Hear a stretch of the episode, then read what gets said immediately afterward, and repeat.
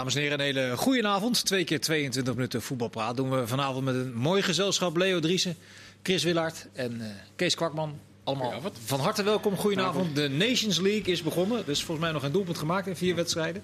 Morgenavond had gescoord. Ik had trouwens heel erg last van mijn verstandskies, maar ik ben toch gekomen. Fijn dat je toch bent aangeschoven. Jij, slaat je overal doorheen. Komen we nog op terug op uh, verstandskiezen. We beginnen met de senior aan tafel. Leo, is dit een wedstrijd morgen Nederland-Polen om naar uit te kijken of niet?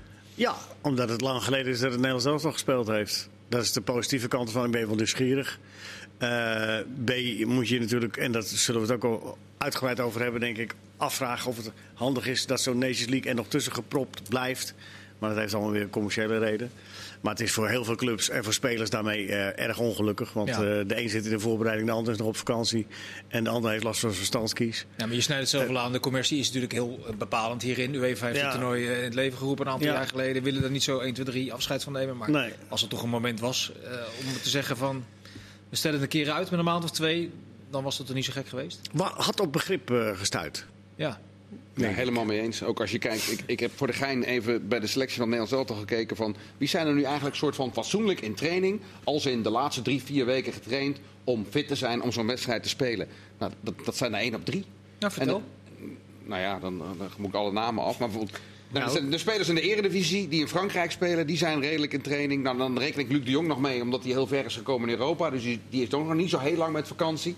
En de rest eigenlijk is net een weekje aan het trainen met, met Engelse of Spaanse clubs. En is eigenlijk helemaal niet. Normaal gesproken speel je dan nu eens een keer een oefenwedstrijdje tegen amateurs 40 minuten. Yeah. En die moeten dan 90 minuten aan de bak. Ja, dit is vragen om blessures. Ja, en ik, het, het ik voorspel is, dat ook. Het gekke is in deze hele discussie dat je verwacht ook van de topclubs. Weet je, in de grote landen waar de competitie nog niet is begonnen.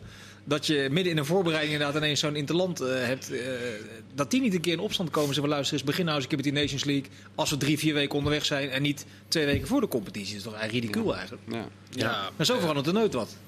Nee. Nee, de situatie is natuurlijk wel heel erg anders. Weet je, dat, dat ook voor die Nations League. We waren wel allemaal ontzettend enthousiast natuurlijk. Omdat het beter is dan oefenwedstrijden. Ja, precies, want het bleek toch wel erg leuk. Nederland deed het natuurlijk ook heel goed. Dat hielp ook wel mee. Maar in het normaal seizoen is het ook prima natuurlijk. Ja, maar het is, ja, het is, het is best wel uh, apart. Uh, mo moeten we niet nog één keer uitleggen hoe die werkt, die Nations League? Ja, dat doen ze even kort in twee Nou, heel graag, Kees. Nou, ja, dus smart te wachten. Acht pools. ja. ja. Leo vroeg het net, hoe zat het nou met die Nations League? Nee, het komt er kort op neer dat het een een, een escape route is naar een eindtoernooi als, ja. je, als ja. je het goed doet in de Nations League. Is dat in twee zinnen eigenlijk heel goed? En het grote voordeel is dat, dat je op kwaliteit tegen elkaar speelt. Die vriendschappelijke wedstrijden precies, tegen kleine tegen groot, dat is weg. Ja. Maar op zich, niemand, niemand stelt ter discussie dat het, dat het op zich een goede vondst is om het nee. in plaats van oefenwedstrijden te doen. Alleen het moment zelf is natuurlijk. Dat, is, dat is wat dwars zit. Want het is boven verwachting een, een, een goed idee gebleken in de, in de afgelopen periode. Zeker voor Oranje. Omdat maar ze het ja, zo leuk deden. Ze maar... zitten dan waarschijnlijk met die voetbalkalender natuurlijk, die al overvol nu zit. Hm. Nog overvoller. Ja, dus, ja, dus je... dan moeten ze gaan schuiven met die Nations League. Ja, dat zal wel niet uh, lukken. Dat, ja. dat, dus, dat nee, zal waarschijnlijk de reden maar, zijn. Maar, maar dat is nou een kenmerk van beleid maken. Dat je op een gegeven moment ergens een streep doorzet. Precies. Ja, hij is er ook helemaal niet, misschien wel... Uh, hij is, hij, maar hij is er ook jaren niet geweest. Dus je had hem ook gewoon ja, ja, dan moet je vanwege die speciale omstandigheden. Dat was zo'n succes natuurlijk. Ja, maar... Nee, maar als je een streep zet door een heel toernooi, dan krijg je te maken met tv-contracten die opgezegd worden. Dat worden ja, miljoenen nee. claims, worden dat. En dat is ook dat, zo. UEFA, is ook zo. Je hebt nu ook de rare situatie dat sommige competities in Europa gewoon twee maanden eerder beginnen dan andere competities. Dus, dus als je dan met een nationaal team, ja, dat, dat, dat werkt niet. Hè? De tijd dat alle nationale teams. Nou, laten we het uh, positieve draai aangeven. Wat, ja. uh, wat zou de winst wel kunnen zijn voor het Nederlands elftal om, om die twee wedstrijden te spelen? Nou ja, dat, iemand. Dat ze weer eens spelen. Leo? Ja, ja, nee, maar het is natuurlijk ook aan alle kanten een gemarkeerde wedstrijd voor, de, voor Oranje. Misschien daarom wel weer interessant, want je kunt er een hoop over zeggen en een hoop over schrijven. Maar er is een, een, een groep spelers geblesseerd. Er, er is een, nog geen bondscoach. Ja, er zijn spelers bezig met, met transfers. Er zijn spelers bezig met verstandskies. Oh, dat is jong Oranje, hè? En, en, Kom, erop, kom erop. ja, dat, dat, dat, dat wordt het woord verstandskies nog zeggen in deze aflevering. Ja, je hebt hem wel getriggerd in ieder geval. Maar sorry, maak je verhaal af. Ja. Nou ja, en, en, en, en, en, en je moet aan alle kanten een beetje schuiven met wat Chris net ook al zei van spelers die uh, nog niet fit zijn. Uh, daar zal uh, Lodewegers ook rekening mee moeten houden. Dus het wordt, het wordt denk ik wel een echt vriendschappelijke wedstrijd. Ja, is, is, is Dwight Lodewegers is degene waarschijnlijk die er het meest plezier aan beleeft aan deze hele campagne, deze twee wedstrijden. Dat vraag ik me af. Ja? ja? Ik denk dat hij het met, omdat het een, een, een hele uh, professionele, aardige een goede vent is, dat hij het eh, zonder tegenzin doet. Maar dat hij er nou niet eh, o- o- eh, eh, op heeft zitten wachten. Ja, Nee, dat het zo goed Maar ging, dat- bedoel je? Omdat hij zich in zijn rol... eh, Ja, ja, zo dus- goed- ja oké. Ja, zo bedoel Hij ik heeft niet dat. voor niks toen teruggestapt. Hè, toen, eh, bij, bij, bij Cambuur, toen hij op een gegeven moment heel erg onder het vergrootglas eh, kwam te liggen. Zeg ik het goed? Eh, ik heb het idee dat er toen bij hem iets gebroken is van... joh, dat frontman zijn, laat mij maar gewoon op de achtergrond. En dat vind ik het belangrijkste. En laat iemand anders dan maar... En misschien moeten we ook zo iemand er dan weer gewoon bij zetten. Het gekke is, wat je, wat je- dat klopt volgens mij wat je zegt, dat hij inderdaad niet op de achtergrond werkt. Iedereen die met hem werkt zegt, ja, maar hij zou ook eigenlijk een prima eh, eindkandidaat zijn. Zeg maar. Alleen zelf ziet hij dat dus niet zo. Maar we vragen uit het land. Kijkers vragen van Loek van Ast, die zegt, is Lode, eh, Lodewegen zonder dat hij het zelf misschien in de gaten heeft, wel de beste kandidaat om bondscoach te zijn tijdens de EK? Nou, stiekem misschien wel. Want, eh, en, en- en misschien krijgt hij er ook wel weer genoeg plezier in. Als hij zich zo gesteund weet door die jongens, eh, als nu eh, eh, blijkbaar zo is. Ja, dat hij er misschien zoveel aardigheid in krijgt dat hij, eh, dat hij het wel langer... En eh, ik zou er geen enkel bezwaar tegen hebben, want eh, ja, prima. Als, als ook een van de aan- trainers zijn, denk ik, die geen bondscoach wil zijn. Toch? Dat lijkt me ook wel. Ja, maar dat is, dat, is een beetje het gekke. Bondscoach Ja, tegen wil en dank, dat voelt dan ook weer niet Ja, zo zal het niet zijn, maar het is wat jij net schetst. Dat hij zich waarschijnlijk... hij kent zijn rol misschien wel. En hij weet misschien wel dat hij in die andere rol beter is. Maar aan de andere kant... Als hij gesteund weet door die spelers. Ja, precies. Dat ook, ja. ja dan denk je toch ook bij jezelf, nou...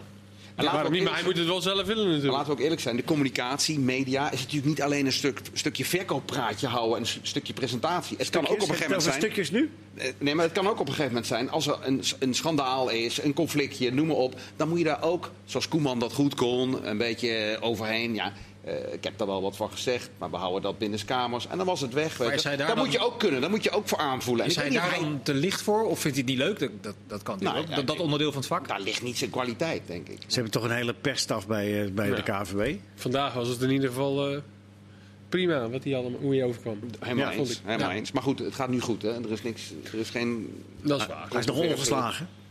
We hebben eh, in ieder geval Lodewegers eh, morgen aan het roer als, we tegen, als er tegen Polen gespeeld wordt. Het is een aardige kluif die hij voor zijn kiezen krijgt. Want met name achterin is het problematisch. De Vrij is er niet. Eh, Dumfries is gelukkig en gefeliciteerd daarbij vader geworden. Maar zal morgen in ieder geval niet spelen. De Licht is er niet bij. Blind is er niet bij. Een aardige puzzel die hij moet leggen, Kees. Met name achterin. Dat begint eigenlijk al in de goal. Dat is niet echt een keeper die er nu heel erg bovenuit steekt. Nee, dat is wel een dingetje inderdaad. Ehm, maar goed, ik denk dat Sillissen wel gewoon het vertrouwen altijd wel heeft gehad. En ook wel heeft terugbetaald. Mijn uh, zelfstal heeft nooit echt ter discussie gestaan. Waarschijnlijk ook wel door de andere keepers, omdat die niet echt er tegenaan hikte. Nou, ik vond Krul wel een erg Ja, goede wel, maar niet bij het Nederlands elftal, toch? Krul die Ja, is echt was wel... altijd nummer twee, maar die is nu niet eens meer geselecteerd. Nee, precies. En Bizot kwam op een gegeven moment wel op. Had ook wel een goede fase natuurlijk. Ja. Ja, Krul komt er nu aan. Dan moet je afwachten hoe die... eh, maar ja, die gaat misschien wel in de championship keepen. De Ja, kans nou, is groot. Dat geeft ja, wel nou ja, dat is dan toch weer... eh, ja. Weet ik niet meer. Maar Sillis moet je ook maar afwachten wat er maar, Maar gaat wat, wat, gebeuren wat, bij is dat tegen als je in de championship eh keept? Nou, dat is niet het hoogste niveau om te beginnen. Nee, maar het is wel een aardig niveau om als keeper eh, aan het werk te blijven.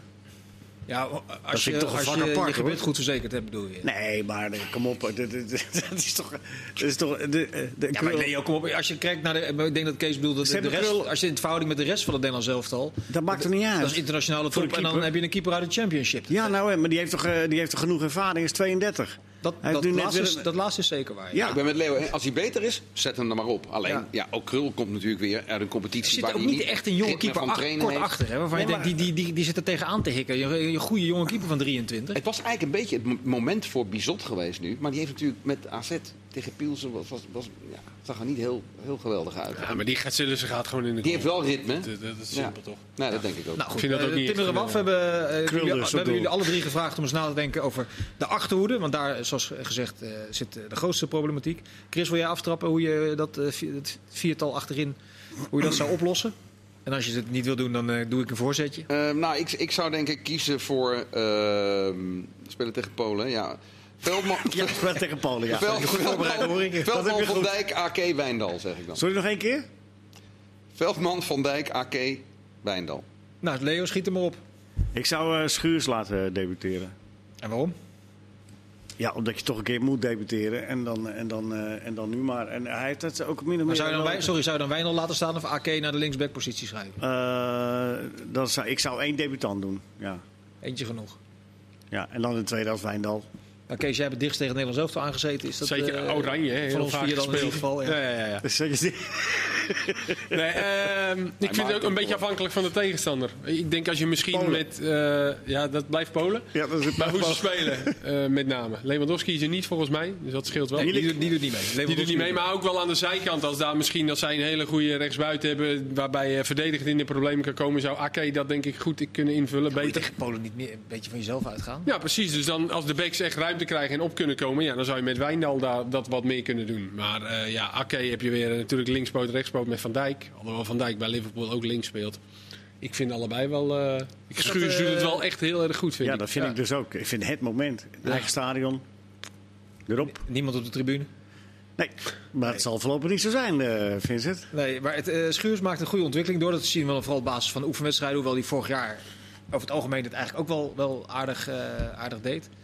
Eh, ik had trouwens voor de rechtsback-positie had ik nog Hatenboeren opgeschreven. Is nou ja, dat is ook zo'n iemand die dan eventueel, als je via de zijkanten wil gaan spelen, meer met opkomende backs, dan zou je misschien wel met Hatenboer op rechts ook kunnen gaan spelen. Ja. Maar ja, eh, Veldman is bij Brighton wel gehaald als rechtsback, geloof ik. Dus ja, het ligt een beetje aan de tegenstander ook, vind ik. Je zal ongetwijfeld wel wat meer de bal krijgen. En dan heb je misschien wel iets meer aan, eh, aan backs die ook eh, opbouwend wat meer kunnen brengen. Ja. Leo stipte het net aan. Is twee debutanten, dat te veel? Schuurs en Wijndal? Ah, daar geloof ik niet in. Kijk, als je nou acht debutanten hebt, maar... Nee, maar Nou, ik, denk, toch- ik denk echt niet dat die spelers in het veld staan. Oh, er staan twee debutanten in. eh, dat, dat zijn ze toch gewoon. Die ze- debutanten zelf misschien. zo, maar- zo bedoelde ik het ook niet hoor. We hebben een debuterende bondscoach die gaat niet twee Ook debutanten nog. in de laatste linie zetten en dan 0-2 achter staan na een half uur. Dat gaat niet gebeuren. Nee, dat, dat Nee, dat laatste gaat hij zeker niet doen, maar dat eerste misschien wel.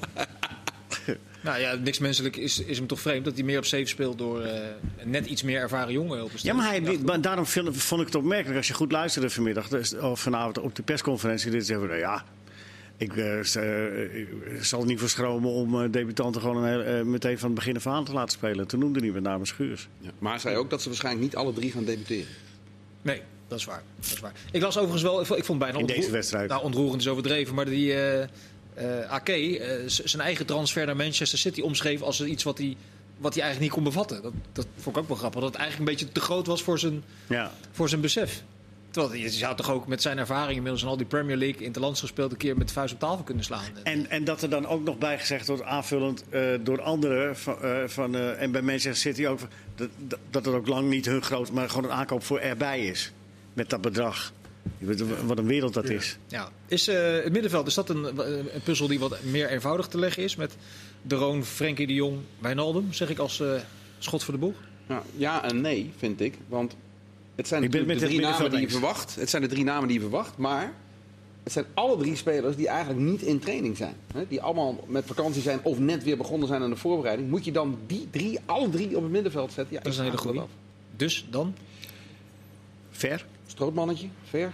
Donny van der Beek. Donny van der Beek lijkt me Donny ook wel eens is eh, natuurlijk wel eh, iemand die. eh, Ajax, ja. Maar als je de argumentatie van Chris volgt, is, is dat, is dat Maar misschien niet alle drie eruit, maar één of twee niet. Dat lijkt mij dan logisch. Nee, maar dat je Van der Beek, die wel volop in training is, dat hij dan... eh, Ja, dat vind ik een hele goede. Ja, ik, die, dat- ik, Lodewegers kennende, en ook, hij heeft hier ook een beetje op gehind tijdens de persconferentie. Dan zou je verwachten dat Van der Beek speelt.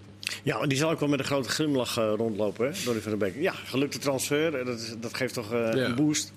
Ja, gaan we zo meteen na de reclame nog even kort over hebben. We willen even het Nederlands zelf afmaken, want... eh Afmaken, hoe bedoel je? Nou, gewoon, we moeten de opstelling nog even... Oh, afmaken, ja. Anders kunnen we niks doorgeven aan het einde van de uitzending. dat Voor- briefje. ja, Bij briefje hetzelfde handschrift merk ik nu als, eh, als, als Lodewegers. Eh, voorin eh, doe ik maar even een, een schot voor de boeg. Eh, Bergwijn, Promes op de flanken en eh, Memphis die in training is. Omdat de Franse competitie begonnen is. Als eh, diepe spits is, is daar nog... Ja, ik zou Iataren laten beginnen in plaats van eh, Bergwijn. Ook weer om diezelfde reden. Om weer gewoon een jongen met eh, ritme erin te zetten. Zeker Bergwijn, een hele explosieve speler. Moet je die dan in zo'n interland laten beginnen terwijl hij nog helemaal geen voorbereiding in de benen heeft? Lijkt me niet slim. En Iataren, ja, laten we hem ook maar, maar gewoon, gewoon spelen dan. Als hij, eh, eh, ik, wou- ik wou zeggen, dan ligt hij ook maar meteen vast. Dat is dan weer niet zo. Dat is niet meer zo. Daar komen we zo op. Is Iataren eigenlijk een logische selectie, Leo? Als je het laatste jaar, hoewel dat natuurlijk een half jaar Ja. het nauwelijks gevoetbald is. Maar is, is het een logische selectie, vind jij? Ja, vanwege de, de, de- de- juist vanwege het verleden. Vanwege de voorgeschiedenis. Ja, dat zou nu wel gek zijn als je hem nu niet zou selecteren. Maar normaal gesproken word je geselecteerd van het Nederlands elftal als je dat op basis van je prestaties Klopt. eh, klopt. verdient. Is dat, is dat bij Iataren eh, het geval? Ja, Berghuis ontbreekt natuurlijk ook. Hè? Dus ik denk dat ook, dat ook wel een grote rol heeft gespeeld. Die heeft Ja. echt zijn plaats bij het Nederlands elftal verdiend, vind ik. Maar Stenks ook bijvoorbeeld, Stenks bijvoorbeeld niet. Ja, Stenks heeft gewoon... eh, ja, ik, ik vond hem gewoon wat minder op een gegeven moment. Komt net zo ook En- van een blessure hè? tegen Pielsen kon hij maar. Ja. ja. Ja, maar ik heb hem niet eens over nu. Ook vorig Ja. jaar vond ik hem nog wat wisselvallig. Maar Berghuis vind ik echt dat hij... eh, die heeft zo'n goed seizoen gehad. Hing er ook altijd een beetje aan. Maar ik vind echt wel dat hij zijn plek daar wel verdiend heeft. eh. en ook, we hebben niet een echte rechtsbuiten, toch? Bergwijn speelt er soms, maar... Ja, is toch ook gelukkiger vanaf links. En Promes heeft eh, laten zien dat hij vanaf links gelukkiger is. Iatare en Berghuis, ja, daar kom je dan misschien ook wel bij uit. En Iataren zat volgens mij ook al bij een maart, toch? Toen Jazeker. Die, die, die interlandse niet doorgingen. Ja. Dus dan, ja, zeker een jongen met wie je hebt overlegd. Kom je, hè, wil je bij ons? Ja. Nou, dan ga, we gaan Ja, maar En dat daar- denk ik daar staat de eerstkomende, dan is het Ja. logisch, denk ik. Maar als je zegt, ben ik op zich eh, met je eens, maar dat tegenover staat dat hij eh, niet zo'n denderende voorbereiding draait Nee, bij precies. PSV. Eh, een beetje te zwaar binnenkwam in de voorbereiding. Het zijn toch niet echt geluiden die passen bij een Neo-International? Of zeg ik nou iets geks? Nee, ben ik met eens. Ja, misschien is het ook wel weer goed dat hij dan nu eventjes dit krijgt. En misschien ook wel met spelers praat. Misschien wel spelers ziet. Die denkt, oh, oké. Ja. Van Dijk loopt er zo bij. Die loopt er zo bij. Ja. Ja, dat eh, kan ook wel voor zo'n jongen extra motiverend zijn. En misschien net weer even die paar procent dat hij eh, weer extra gemotiveerd... Ja, hoe gek het ook klinkt als je 18 bent. Maar je snapt me wel. Ja, is dat, het eh, gezien de roze wolk waar Luc de Jong ongetwijfeld nog op zal verkeren? Opstellen. Een idee om die op te stellen en Memphis naar een flank eh, te dirigeren? Kan ook nog, ja. ja, dat kan ook nog. Is dat een betere optie? Is dan de vervolgvraag? Nou, nee, het is echt letterlijk en figuurlijk inwisselbaar. Maar eh, eh, ik zou, het- ik zou het nu... te- Nee, nee. Nee, ik bedoel, het, wordt dan wel anders, maar ik bedoel, voor allebei va- valt wat te zeggen. Eh, maar ja, je zou het Luc haast wel gunnen, ja, na zijn eh, prachtige optreden in, de, in die eh, finale. Dus ja. Ja, Memphis heeft ja, natuurlijk eigenlijk altijd als spits gespeeld bij het Nederlands elftal. En heel goed.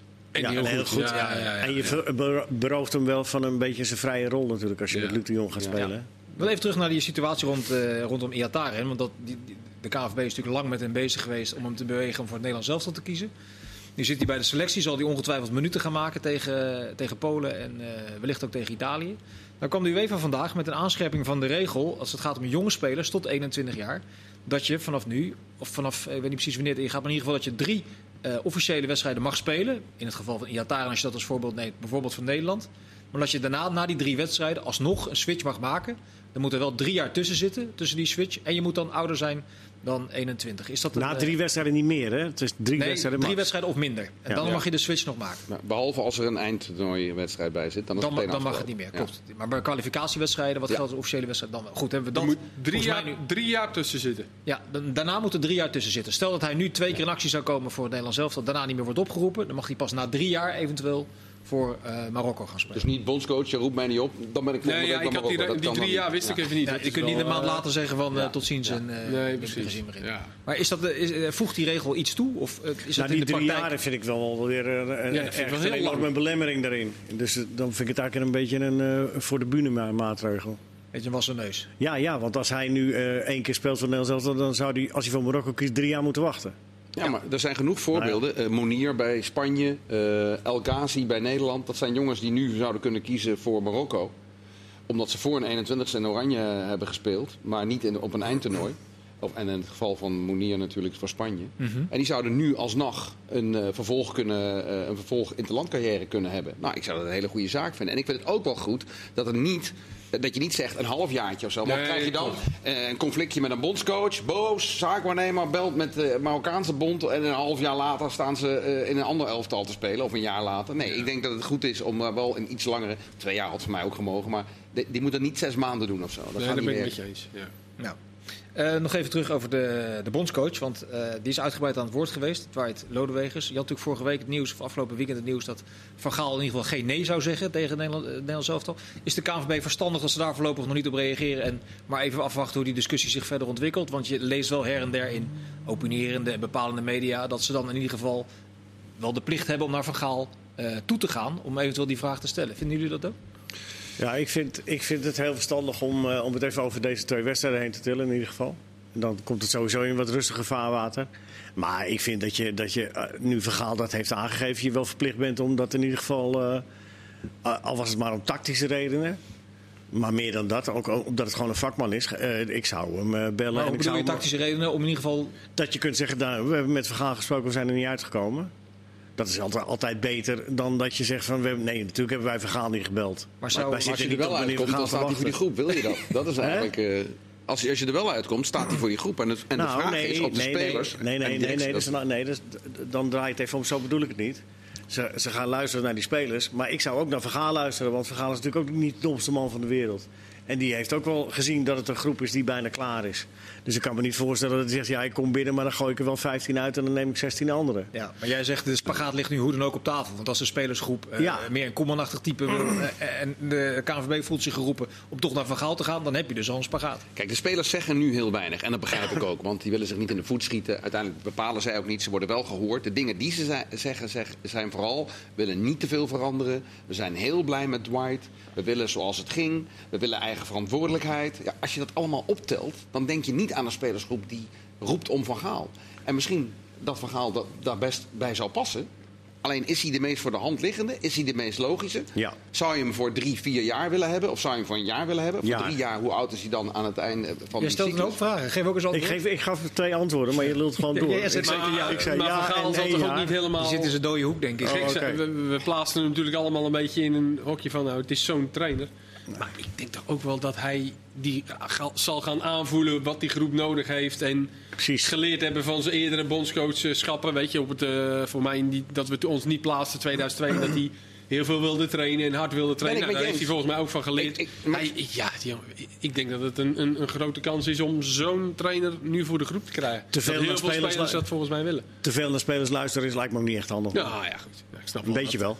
Ik snap wel dat Van Dijk hem niet wil. Die heeft hij genegeerd eh drie Maar jaar. dat zei Van Dijk niet, hè? Dat hij hem niet wilde. ja, ja. Ja, Sprak ik wel 2014, een beetje. heel weer een tijdje geleden. Ja, daarom. Coachie van Martens Indy. Jongen. Die deed, niet- die deed trouwens niet Ah, slecht. houd toch op, ja, Chris, jij wil weer een hele, hele verhandeling gaan opstarten. Maar ik kijk Er was naar de toen klok. wel- was toen wel Nee, joh, eh, wacht even, vijf seconden. lukken. Ik vertel de mensen dat we dadelijk gaan hebben over Jong Oranje, over Messi, de keukenkampioen-divisie En de punten. alles wat ertussen zit. Tot zo. Ja. Zijn we terug, deel 2 van Voetbalpraat. Nederland zelf hebben we afgekaart. Jong Oranje, die spelen morgenavond ook. Kunt u live zien op eh, Fox Sports 1 om 6 uur tegen Wit-Rusland. Daar is nogal eh, wat om te doen, gezien de eh, situatie. Om te beginnen, de politieke situatie in Wit-Rusland. We hadden net een hele discussie over clubs die niet in opstand komen omdat de Nations League op een ongelukkig moment begint. Wanneer is er een moment voor een bond om te zeggen: dit is toch allemaal net even iets tricky, we gaan niet voetballen? Wanneer is er een moment? Kom maar, uh, Klavan. Ja, nee, ja, ja het, is, het is in Ik ieder snap geval... dat het heel lastig is hoor, trouwens, voor een bond. Ja, Dus, het is, al, eh, het is al heel lastig om het eh, bijvoorbeeld bij spelers neer te leggen. Want dan ga je het dan aan vragen eh, als journalist van eh, vind je niet dat je... Maar dat vind ik eigenlijk al een te late vraag. Als die beslissing genomen moet worden, moet die echt van, eh, vanuit de hoogste, eh, uit de hoogste regionen komen. Dan moeten sporters, eh, zeker jonge sporters, moeten daar niet mee lastiggevallen worden, vind ik. Die moeten niet eh, zo stoer gedwongen hoeven te zijn om te zeggen van wij gaan daar niet heen vanwege die situatie. Dat is één. En eh, dan valt het me wel tegen dat het, van, dat het overdovend stil blijft verder. ja, want je kunt, je, kunt daar, je kunt daar, sorry Kees, heel rigide natuurlijk in staan. En zeggen, sport moet je altijd loskoppelen van mensenrechten situaties of politieke situaties. Maar er wringt toch bij ieder weldenkend mens toch ook Ja. wel iets eh, bij zo'n wedstrijd zoals nu, of niet? Ja, er komen verhalen naar buiten over martelingen en, en eh, massale arrestaties. eh, ja, en, dat, en, en die, eh, dat stadje waar ze nu gaan spelen, dat ligt geloof ik een kilometer of 50 buiten Minsk. Ik hoorde eh, op de radio iemand die eh, verstand heeft van de situatie in dat land vertellen dat daar ook gevangenissen zijn die uitpeilen waar mensen uit Minsk naartoe gebracht worden. Er is daar een autofabriek waar mensen gestaakt hebben. Die mensen zijn ook in de gevangenis gegooid. Ja, dan ga je 1800 meter verderop, zeg maar wat. Ga je een wedstrijdje spelen, een jeugd interlandje spelen. Ja, Ja. Ik, ik, ik, ik krijg er een heel slechte smaak bij in de mond. En ik begrijp ook wel dat je niet als KNVB zomaar kan zeggen... dan stoppen we ermee. Want Nee, want dan word je uit die kwalificatiereeks. Ja, maar je kunt natuurlijk wel... Kijk, we hebben het ook gehad over WK Qatar. Dit is natuurlijk net zoiets. Je kunt natuurlijk op een gegeven moment wel zeggen... als wij, hè, als Engeland, Duitsland, Nederland, Spanje, Italië zeggen... jongens, dat soort landen in dat soort situaties... we gaan er gewoon echt niet meer voetballen. En dan, en dan haal je ons er maar uit. Maar dan zijn we wel solidair onderling. Ja. Dan is het afgelopen. Maar die hele riedel heb ik al een keer of 300 voorbij die- eh met je komen. denk de afgelopen 25 jaar, het gebeurt niet. Ben ik met je eens. Iedere bond zegt nee. iedere keer weer... ja, maar als wij als enige... Ja, dan, dan blijft het hetzelfde. Ja. Is eh Jong Oranje, die moeten het doen zonder het drietal van eh, Hertha. Dat moeten we even uitleggen. De deelstaat waar Berlijn onder valt, die zeggen... als je terugkomt uit zo'n land waar waar het op oranje staat, dan moet je vijf dagen in eh, quarantaine. En die regels zitten bo- boven de, de regels van de DFB. Ja, Anders- deelstaten hebben het voor het zeggen. Ja, deelstaten hebben het in Duitsland voor het zeggen. Anders dan in, en dat vindt, vindt Hertha dus allemaal niet waard om die, om die spelers vervolgens in quarantaine te zetten. Wat begrijpelijk is. Nederlandse spelers hebben dispensatie gekregen, dus die hoeven niet aan die quarantaine, quaran- quaran- quarantaineregels te voldoen. Eh, dan is Tjong er om die reden namens Werder Bremen ook niet bij. En Gakpo had ineens last van de verstandskies. Was Jij moest daar een beetje, Ah, om, jij moest daar een klein beetje om gniffelen. Ja, Ik kan, het is heel vervelend. Als je de, ik heb het een keer gehad. Het is buitengewoon vervelend. Ja. Ja, maar eh, als het een eindtoernooi was geweest, had hij denk ik eh, een pijnstiller genomen. Nee, ik weet het niet. En Misschien is het heel erg, misschien is het heel toevallig, ook die verstandskies. En ik doe, het is ook een beetje flauw om daarover over te hebben. Maar, Omdat je het niet zeker weet. Ja, maar eh, ja, het, is, het, is, het is natuurlijk wel eh, een rare situatie. En ik heb, wat het punt natuurlijk ook is bij die spelers van Werder Bremen en van Hertha. Omdat ze in quarantaine moeten, zegt de UEFA, hebben die clubs ook het recht om te zeggen: Ja. jij gaat niet. PSV heeft het recht niet. Want dan zou hij niet voor PSV uit kunnen komen. Volgens mij mag hij niet eens bij PSV trainen dan. Nee, dan kan de KVB een schorsing opleggen. Dat klopt. Dus, nou ja, volgens mij, die schorsing gaat automatisch in. Dus de KNVB hoeft dat niet eens uit te roepen voor de periode van die interlandperiode. Totdat eh, dat weer afgelopen zou zijn, kan je dan sowieso niet spelen. We hebben het gehad met Drommel, volgens mij, bij Twente Ja. destijds. Precies hetzelfde. Dus. Dat is een andere situatie. Ja, dan, ja, dan is het natuurlijk heel makkelijk om last te hebben van een verstandskies, je rug, je nek. Maar het is wel Die een jongen die beetje... ligt morgen bij de tandarts met Ja. zeven verdovingen Zo'n- met zo'n- prikken. zo'n en kaart. dan hier oh, roepen Daar kom ik hem een fruitman brengen. Dan kom ik hem ook fruitman brengen. Ja, laten we dat onderwerp afsluiten met zeggen dat het inderdaad wel gevaarlijk speculeren is. Nee, Dus, het is, eh, het is, het is speculeren. En eh, eh, Cody Gakpo eh, is volgens mij... eh, Maar is dat toch gewoon een echte liefhebber die Echt een graag liefhebber die graag wil spelen? En... we trekken dit terug. Dit Bij deze wensen we gezegd. Gakpo heel veel wetenschap. Ik in ieder geval wel. Ik weet niet wat jullie... Nee, we hadden het over nee. Wit-Rusland, we hadden het over corona. D- Dit soort dingen kun je in principe in de hand werken. En dat wil niet zeggen dat dit zo'n geval is. Maar dit soort gevallen werk je er wel mee in de hand. En we hebben natuurlijk in de geschiedenis ook gezien dat in dit soort situaties dit soort zaken vaker voorkomen dan, En dat eh, hoor je bij, dan een tijdje eh, bij later. België thuis. zeg Ja. 4 gespeeld 12. Jong Oranje in de pool staan er uitstekend voor. Boven Jong Portugal. Dat wordt een cruciale wedstrijd. eh, Maar die is verderop in de kwalificatiereeks. Ik vond het wel opvallend. Ik weet niet hoe jullie daar tegenaan kijken. Dat de KNVB besloot om... Ze hebben toch aangegeven dat ze Jong Oranje echt belangrijk willen gaan maken. Dat er weer eens een eindtoernooi gehaald moet worden. Om dan toch de bondscoach, Erwin van der Looy, daar weg te halen. Assistent te maken van Lodewegers. Midden in, in die eh, kwalificatiereeks. Is daar wel over, is, hebben ze daarover gecommuniceerd naar buiten toe? Waarom? Nou ja, ze eigenlijk? wilde, bleek vandaag, ze wilden eh, Ruud van Nistelrooy als assistent binnenhalen. De- Bij Oranje. bij Oranje, wat al Ja. het plan was in de aanloop naar het EK. Dat ging niet door. En vervolgens hebben ze Van der Looy naar Oranje gehaald en Marcel Groninger eindverantwoordelijk gemaakt Ja. voor deze twee wedstrijden. Ja, het is, het is eh, eh, ook een beetje een vorm volgens mij van tunnelvisie. Hè? Van, eh, dat, je gaat voor Van Nistelrooy, dat snap ik dan. En eh, dat hij het dan niet doet, dat, dat dan blijft staan. We hebben wel iemand nodig. Oh, laten we dan maar, weet je wel, je moet misschien Maar de, afvragen. de, de, de hele onder 19, onder 18, onder 17, et cetera, die spelen niet vanwege de hele coronatoestanden. Dan kan je toch daar een coach uit dat elftal eh, derde assistent maken. Is, Ja. en, en Van der Looy met zijn eigen project aan de gang Ja, laten. ja, ik vind het ook wel. Lijkt mij ging- Het ging hartstikke goed. Ook als je die documentaire zag, weet je dat. Volgens mij zit dat, zat dat al, zit dat goed in elkaar. Dat was onderdeel van het plan. Ja, Juist om er veel aandacht voor... eh, Ja, precies. En dan ga je het. eh, of ze willen echt dat Marcel Groningen, de assistent, dat die eh, meer verantwoording krijgt of zo. Ja, ik, ik weet het niet. Van der Looy wil het blijkbaar zelf ook graag. Ziet Ja. dat dan ook wel als een uitdaging. Ja, ik vind het ook wel een beetje apart. Ja, je- hij kan natuurlijk ook niet weigeren. Als de KNVB het bij hem neerlegt, luister, is dit de situatie, je moet je melden bij het Nederlands zelf. Dat kan hij niet zeggen. Ja, maar Ja, luister. zouden ze dat niet gewoon Ja, ze zullen wel overleg hebben gedaan? overleggen, maar ja. Dat is voor hem natuurlijk ook eerder. Ja, Maar maar elke hij is dat snap ik Hij wel. had toch ook hetzelfde kunnen zeggen wat jij net zegt. En Je kunt toch ook iemand van de onder 17 of onder 18... onder- laat mij lekker bij Oranje blijven, dat jong had hij- Oranje blijven. Dat had hij kunnen doen. Ik denk ook een van de redenen waarom Jong Oranje nu goed draait en daarvoor niet, is dat Jong Oranje inderdaad belangrijk is gemaakt. Dat er continuïteit is met een coach die er lang zit. En dat ook duidelijk gemaakt is, de coach zit en blijft. De spelers moeten ook trouw zijn aan het team. En kom je een keer niet, ja, dan is de kans groot dat je op een gegeven moment ook niet meer wordt uitgenodigd. Want het was natuurlijk drie jaar geleden. Klopt, een duiventil. Ja. En iedere speler die ooit een keer Bergwijn hebben gehad. Hoewel het misschien ook wel een blessure was, dat weet je natuurlijk nog steeds niet helemaal zeker. Maar. Nee, maar eh, dat, dat spelers, als ze ooit eens een keer bij Oranje hadden gezeten, dat ze dan de drie keer daarna voor Jong Oranje afzeiden. Weet je wel. Daar wil je juist van af. En ik denk een van de redenen eh, waarom dat nu gelukt is, is omdat de coach er, er langer zit en blijft zitten. Want we hebben daarvoor Langer, Stuivenberg, Koster. Nou ja, volgens mij eh, was ieder, ieder jaar was het weer een ander. En als iemand ergens een baantje kon krijgen, dan was hij weer weg. Of, of om een andere reden. Maar ja, dat, ja ik begrijp het niet. Ik, Nee. eh, precies wat jij zegt. Het is niet handig. Genoeg goede coaches bij de KNVB. Zeker als het gaat om derde assistent. Ja, kom op. Het is een klein stapje naar Lionel Messi altijd, hè? Van, van een willekeurig... eh, Die maakt altijd zelf kleine stapjes. ja, er is weer, weer wat reuring in de Spaanse en Argentijnse pers. eh, het afgelopen uur, afgelopen anderhalf uur. Jij, Chris, hebt, heb je daarin verdiept, omdat jij het beste van ons Spaans spreekt. Ja, nou, de afgelopen uur, anderhalf uur is het Dus eigenlijk we heel rustig. wel Wat me- of het klopt. Wat me verbaast, wat me verbaast want eh, ik heb gisteren en eergisteren heb ik het heel close gevolgd. En dan zie je dat de ontwikkelingen elkaar heel snel opvolgen. Gisteren werd als laatste werd gemeld dat Messi vandaag, de donderdag is nog niet voorbij, maar hij zou vandaag een beslissing nemen. Dus we moeten echt eh, het nieuws heel goed in de gaten blijven houden. Er werd zelfs gezegd dat de kans 90% zou zijn dat hij toch bij Barcelona eh, zou Dat blijven. is vaak na het eten, dat is over een uurtje of twee. En welke Precies, bronnen, en welke de bronnen Argentijnse waren- tijd hè, kan ook nog. Maar dus welke we bron al- was dat dan van die 90%? Welke bron was dat dan van die 90%? Eh, die kwam van Martin Arevalo. Dat, is een eh, Argentijnse eh, journalist die ook de aangetekende brief heeft gepubliceerd die Messi naar eh, Barcelona heeft Fax. gestuurd. Waarin die, fax. Nee, dat was geen fax. Nee, dat weet ik, daarom zeg ik het. Jongens, even naar de kern. En, maar goed, Dat is de kern. wat, wat de kern is, denk ik, eh, is dat eh, uit dezelfde bronnen maandag werd gepubliceerd dat Guardiola duidelijk heeft gemaakt aan Messi. Wij kunnen als City jou niet halen. Zelfs niet als jij straks transfervrij bent. Wij kunnen je nu niet halen. Niet zo heel gek. City heeft een klein rechtszaakje gehad eh, afgelopen zomer. Waar ze trouwens ook al een paar miljoen aan advocaten hebben eh, verspijkerd. Eh, hebben grote problemen met de financial fair play. Ja, los van het eh, transferbedrag. Je moet Messi ook 50, 60 miljoen salaris gaan betalen.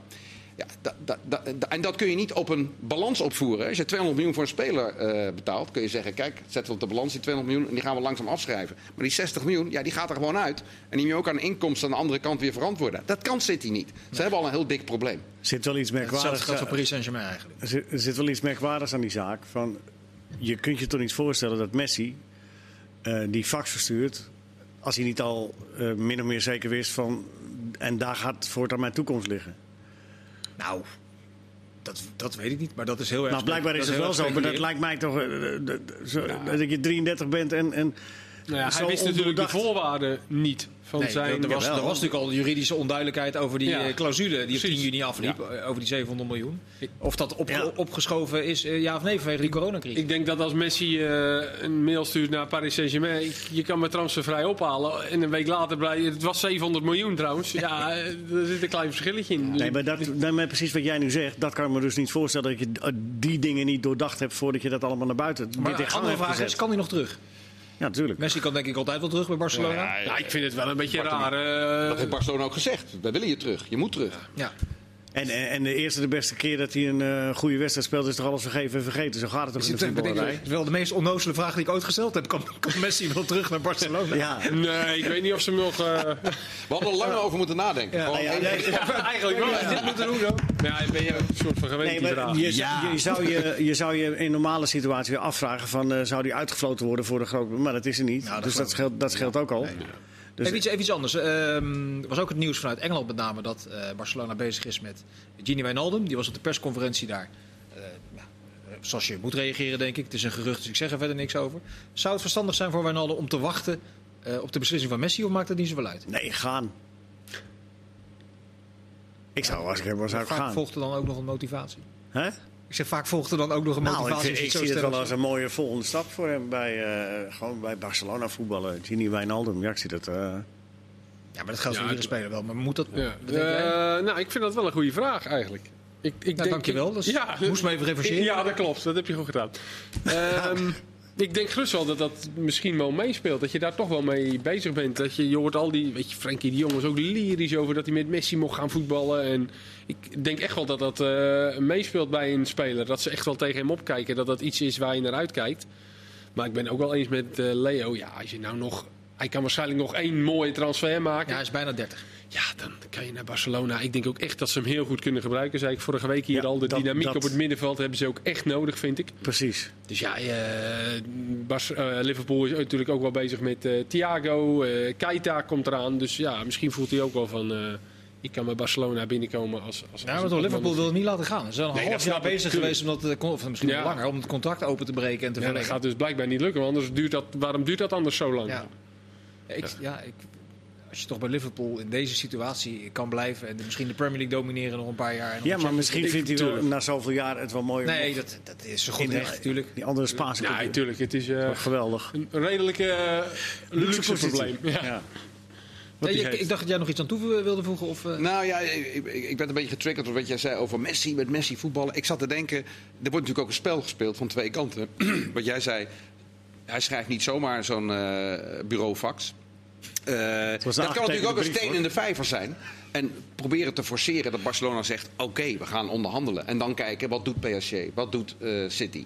Maar andersom kun je ook afvragen. Bij Barcelona kan natuurlijk niemand zeggen van... nou oké, misschien moeten we Messi dan maar verkopen. Want dan word je, eh, dan word je hartblok. Dan word je gelyncht. Maar er zijn misschien best wel mensen die denken... die Messi is 3,34. Hoe lang blijft hij nog echt de allerbeste? Hij kost 60 miljoen per jaar. Hij loopt in juni gratis de deur uit. Als wij nu 150, 200 miljoen voor hem kunnen vangen... en we besparen 60 miljoen salaris... dan kunnen wij allerlei spelers halen om ons elftal te versterken. En dat hebben we nodig, want ze moeten doorselecteren, ze moeten verjongen. En eigenlijk hebben ze nu dat geld niet. Dus misschien dat er heel stiekem wel, best wel wat wel- mensen zijn bij Barcelona... die denken, misschien zou het niet zo gek zijn als hij verkocht zou worden nu. Nog één dingetje erover, dan gaan we terug naar de Nederlandse competitie. Maar wat me wel in die hele discussie over dat kamp wat jij nu net schetst eh, verbaast... is dat door die ene 8-2, wat natuurlijk een gigantische blamage is geweest... eh, het in die discussie van dat kamp lijkt alsof Messi er van de een op de andere dag niets meer van kan. Vlak Nee. voor die wedstrijd had hij nog een waanzinnige wervelende periode bij Barcelona... dat hij echt wel aantoont nog steeds de beste van de wereld eh, Maar nee, zijn. maar het is bedoel, wel zo- Het kan tot, het kan tot zo idioot snel, die Ja, discussie. maar dit tiental met Messi, dat heeft elkaar niet versterkt het afgelopen jaar. Nee, dat is waar. Het was wel En, echt... en dat is, het is wel, het is wel een structu- meer structurele pro- probleem geworden. Ja. Waar ze nu allemaal een beetje aan zitten te werken, is een oplossing waarbij niemand gezichtsverlies eh Eens. Terug naar de Nederlandse competitie, of eh, naar de Nederlandse competitie. PSV heeft eh Philip Max binnen. Eh linkervleugelverdediger, waar ze volgens mij al drie, vier jaar eh, naar die positie op zoek eh, waren. Heeft vandaag gelijk zijn eerste assist geleverd in een oefenwedstrijd. Een corner die hij verkeerd raakte. En toevallig En die voor de voeten van Gutierrez. En overal las ik eerste bijdrage, maar dat, dat was eh, eh, niet heel bijzonder. Tegen de vraag is, eh, die discussie hadden we afgelopen week ook wel, maar dan ging het meer over Feyenoord. Is PSV meer dan Feyenoord de eerste uitdager van Ajax of toch niet? Hoe zitten jullie daarin? Dan gooi je AZ daar niet, niet- dus niet bij. Eh, mag, mag je het voor mij bijtrekken? Vind ik nog niet heel indrukwekkend wat ik er tot nu toe gezien heb. PSV ook nog niet heel indrukwekkend. Nou, ik toe. vind het heel logisch dat we eigenlijk eh, naar Feyenoord eh, Ja, kijken. Omdat die zo'n goede periode hadden aan het eind. Bijna niemand kwijtgeraakt. Zich goed versterkt op een aantal, ook in de breedte. Ja, dus ik vind het eigenlijk wel volkomen logisch. En zeker, ja, het ligt er natuurlijk ook wel aan wat er bij PSV nog bij komt. Precies. Die zullen nog wel wat bezig zijn. Die Max vind ik een goede aankoop. Vind ik een Ja, goede speler. dat wil ik even binnenhaken, want vorig jaar zag je wel in de tweede seizoen zelf, toen ze daar een, goede voetballer hadden staan, die Rodriguez, dat PSV, Zag je echt wel eens verschil. dat echt, Zeker. echt een 20, 30 procent verschil gemaakt Ja, werd. absoluut. Dus dat zou met die Max, En mag er iets, iets aan toevoegen? Ik heb het tegen Hertha gezien met die Mvogo. Dat, eh, dat helpt ze ook, die, eh, die keeper erbij. Het voetbal van achteruit, ja. Ja. ja. Dat was echt wel een probleem bij PSV met Baumgartel, Viergever, Ja, ja, maar we Understal, die, die echt niet... maar we, jongens, sorry, maar de- we hebben de best voetballende keeper van heel de wereld. Eh, die van eh, Barcelona, op wie zijn naam ik nu niet kan komen, Ter Stegen. Stegen. Ter Stegen. Die hebben we in die wedstrijd tegen Bayern München vijf kapitale fouten zien maken. Omdat hij maar moest opbouwen eh, op de achterlijn ongeveer. Ja, zeker. Dus ik vind het altijd een klein beetje overtrokken dat als jij een voetballende keeper in huis haalt, dat dan alle opbouwproblemen achter de rug zijn. Nee, dat- dat maar is het helpt. Ik zeg het helpt. eh, Ik zeg het helpt PSV. scherp aan. Hè? Het helpt PSV. Ja, Als ik moet- eh, die wedstrijd tegen Hertha heb zien spelen, dat was eh, fris en fruitig. En eh, dat, dat, eh, dat, dat ging eh, vanuit die Mvogo ging dat eh, prima. Gaat niet alle wedstrijden lukken, want het is natuurlijk ook een risico, die positie. Ja, het was wel, heel, het was wel een, een van de problemen, vond ik, vorig jaar bij PSV. Het is dan misschien wel wat rigoureus om gelijk een keeper te halen die heel goed kan voetballen. Hoe goed hij kan keeper, moeten we nog maar afwachten. Ik En- hoop dat hij ook gewoon... gewoon een jaar op de bank gezet, of twee jaar op de bank gezet. Ja, ja in, de laatste, in drie jaar heeft hij bijna niet gespeeld. Maar dus het is hopen dat hij ook gewoon met zijn handen goed is. Ja. Maar het is wel een vooruitgang, denk ik, in het spel wat PSV wil spelen. En in de Nederlandse competitie moet je ook kunnen opbouwen van achteruit als PSV zijnde. Het, gaat, ja, het, dus- het dus- gaat- het gaat natuurlijk ook niet alleen om dat hij heel goed kan opbouwen. Maar hij is ook gewend om een veel groter gebied achter de verdedigers Ja, hij te straalt in strijken. ieder geval wel, En, eh, en dat kon uit. Unestal niet. Als Unestal uit moest komen, dan... eh, Nee, maar je over zo- hebben we weer gezegd dat het de keeper is die zich uitstekend ontwikkeld heeft. En dat hij in de goal, dat er echt een vent staat. Ja. En dat hij ook nog eens een keer ook Vind niet ik ook, belangrijk Maar dat is ook zo. Dat is ook zo. maar alleen als jij pressie wil spelen en je wil eens met je laatste linie heel ver opschuiven. Nou, we hebben de eh, finale van de Champions League gezien. Dan zag je af en toe een hele diepe bal. dacht je, oh jee, er wordt een grote kans. En dan stond die nooit ineens 10 meter van de middenlijn. Dan was er helemaal geen kans. Alleen, je moet dat wel durven en kunnen inschatten. Dus moet je zo'n type keeper hebben als je zo wil spelen. Ik, ja, je weet, ik ben liefhebber van Duitse voetbal en van de vernieuwing die daar gaande is. En, en, en het pressievoetbal wat Roger Smit speelt. Ik heb wel heel veel vertrouwen in dat PSV eh, de, de, de eerste uitdager gaat worden van Ajax. Maar inderdaad, daar moeten nog wel één of twee spelers bij. Met name een van die verdedigende middenveldposities, denk ik. Daar moeten ze nog, denk ik, gewoon een, een klasbak voor halen. Ja. In het eh, vervolg daarop eh, kregen wij een eh, kijkersvraag van Nino Vitali. Moet Ajax na het vertrek van Donny van der Beek bij Ajax nog een middenvelder halen? Moeten zij dus ook nog een middenvelder halen, Leo, vind jij?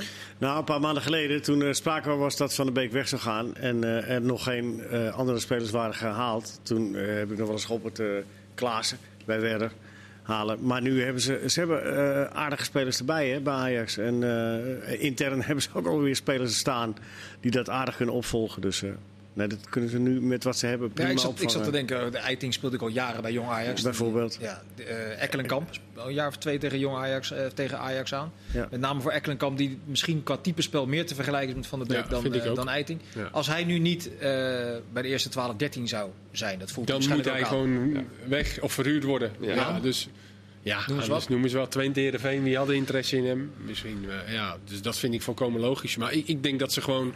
Ze hebben het met Van der Beek ook gedaan als opvolger van Klaassen. Die was er ook klaar voor. Ik denk dat Ekkelenkamp daar ook klaar voor is. Ze gaan, hij wil overigens met Promes op 10 gaan spelen. Precies, Ja. ja. Je kan ook nog Tadic op 10 zetten, eventueel. Hij heeft, Neres heeft natuurlijk op 10 gestaan. Dus volgens mij zitten daar nog heel veel En mogelijkheden. die plekken daarachter inderdaad. eh Martinez, Eiting, Gravenberg, Martinez, Alvarez. Gravenberg. Die Taylor heeft net ver- verlengd tot Alvarez doet het ook wel 2024. goed, Hele goede vind ik. Ja. Kudus. Dus, eh, Kudus, ik denk dat Ekkelenkamp inderdaad, De wel wat jij zegt, Dus het antwoord is eigenlijk nee, die vraag. Nee, ja, moet Ajax ik- nog een ik vind- Nou, hadden we iets korter eh, hadden we dat kunnen concluderen, ja. Nee, maar ja, dus, eh, als je het zo doorloopt, dan eh eh, goed beargumenteerd, toch? Ja, ja, zeker, zeker. Maar zo begon ik Mag ook. Een paar maanden geleden had ik gezegd Klaassen. Maar, eh, Ik vind dit wel een van de beste voetbalpraten van de laatste weken. Ja, en dan gaan we het nu nog over er de minuten keukenkampioen-divisie hebben. Ja, dat gaan we misschien wel uitstellen naar, eh, tot na het weekend. Nee, even één ding zeggen over de keukenkampioen-divisie. Over eh, de VI heeft eh, eh, deze week, eh, want de eerste, eh, we hebben de eerste competitie en dan geven ze weer cijfers. Ja. Nou, ik, wil, ik ben bij één wedstrijd heb ik gedaan, dus ik kan maar over één wedstrijd oordelen. eh Telstar Volendam. En daar speelde bij Volendam speler de heer Vlak. Nou, die speelde niet zijn beste wedstrijd, maar hij geeft twee assists. En hij heeft eh, voor zichzelf nog eh, vlak naar rust een, een geweldige kans eh, gecreëerd. Die had op zijn minst voldoende moeten hebben. Die kreeg een 3,5. Oh. Heren, ga u schamen. Nou, dan waarvan achter, Geef toch geen dan- cijfers dan, meer. richten we de blik vooruit, Terecht. want wij hebben ook niet alles goed gedaan bij de keukenkampioen-divisie, heb ik begrepen de afgelopen dagen. MVV Cambuur, Excelsior tegen Almere en Helmond Sport tegen NAC. Zijn dat de meest aansprekende affiches? Maar je vergeet Den Bosch eh, Dordrecht. Den Bosch, Dordrecht en Volendam. Eindhoven. Telstar. Nee, Volendam speelt niet. Nee, ehm, ik, eh, Leo had het vorige week al over Helmond Sport. En, Ja. die, dat, dat, en die waren echt verrassend eh, leuk afgelopen weekend tegen Os. Speelden echt goed. Die hebben met een paar leuke spelers. Niet iedereen weet, die hebben een samenwerkingsverband met KV Mechelen. Met Mechelen, ja, maar ook zelf wel. Eh, die Lukili bijvoorbeeld, hè, die in de jeugd bij Utrecht heeft gespeeld. Groot talent, die Ja. eh, speelt daar nu. Ze, hebben echt, eh, ze speelden echt leuk. Dus Helmond Nak is in mijn ogen dan opeens... Ja, waarbij je in eerste instantie zegt, nou Helmond... Het is bijna één wedstrijd, maar het is dan wel een wedstrijd waar ik eh, naar uitkijk. Terwijl Helmond volgens mij vorig jaar, of is dat het jaar daarvoor, een soort van samenwerkingsverband had met NAC. Dat is een beetje Ja, eh, jongens die daar... Ja, hè? ja, ja, Ja, ja, Ik wel het idee dat Dus Helmond het het op komt eigen, heel- eigen kracht niet helemaal meer kan bolwerken. Nee, maar dat is natuurlijk ook Dus de zo. cirkel is mooi rond dat je dan Ja. dit weekend Helmond Nak hebt, Chris. Cambuur, MVV Cambuur. Eh, ja, MVV Cambuur. MVV heeft het aardig gedaan tegen Dat was Almere. vorig jaar de slechtste wedstrijd van Cambuur. Ja? Ja, dat heb ik ze eh, behoorlijk aangepakt. En terecht. Dus eh, dat kan alleen maar beter gaan voor eh, Cambuur, die wedstrijd. Maar Kees, Cambuur, en waarschuw Doe- nog één keer. Cambuur en de Graafschap hebben allebei gewonnen. Dus, eh, op basis van die eerste wedstrijd kun je dan zeggen... Nou, nou, die kan niet heel veel voorspellen, maar ze waren natuurlijk voor het seizoen Ja, wel favoriet wel. voor de titel. Vind ik wel. Maar Ik dat had knap lastig tegen eh, Den Bosch. Ja, maar Cambuur had het ook redelijk lastig. Ik had Jong Ajax er nog bij genoemd, maar ja, die kwamen met de B1. Dus ja, dat weet je ook niet. Ja, dat is, dat is jammer dat we daar geen tijd meer mee Ja, dat daar hebben we al genoeg iets- over gezegd dit weekend, toch? Ja, maar Ja, jij wilde- maar dan- Wat wilde jij er nog even over kwijt, tot slot? Nou, dat, dat, dat de heren van, eh, van die grote clubs eh, dat, eh, een verantwoordelijkheid hebben richting de competitie waarin ze spelen. En zich niet zo nou, van een Jantje van Leijen vanaf moeten maken. Met, een, met inderdaad een B1 neer- daar neer te zetten en dergelijke. Dat is echt competitievervalsing ten top. Dat is het al. Maar dan helemaal. Keukenkampioen divisie. Komend weekend zo'n beetje, al, nee, niet zo'n beetje, alles live. En morgen ook Jong Oranje om 6 uur.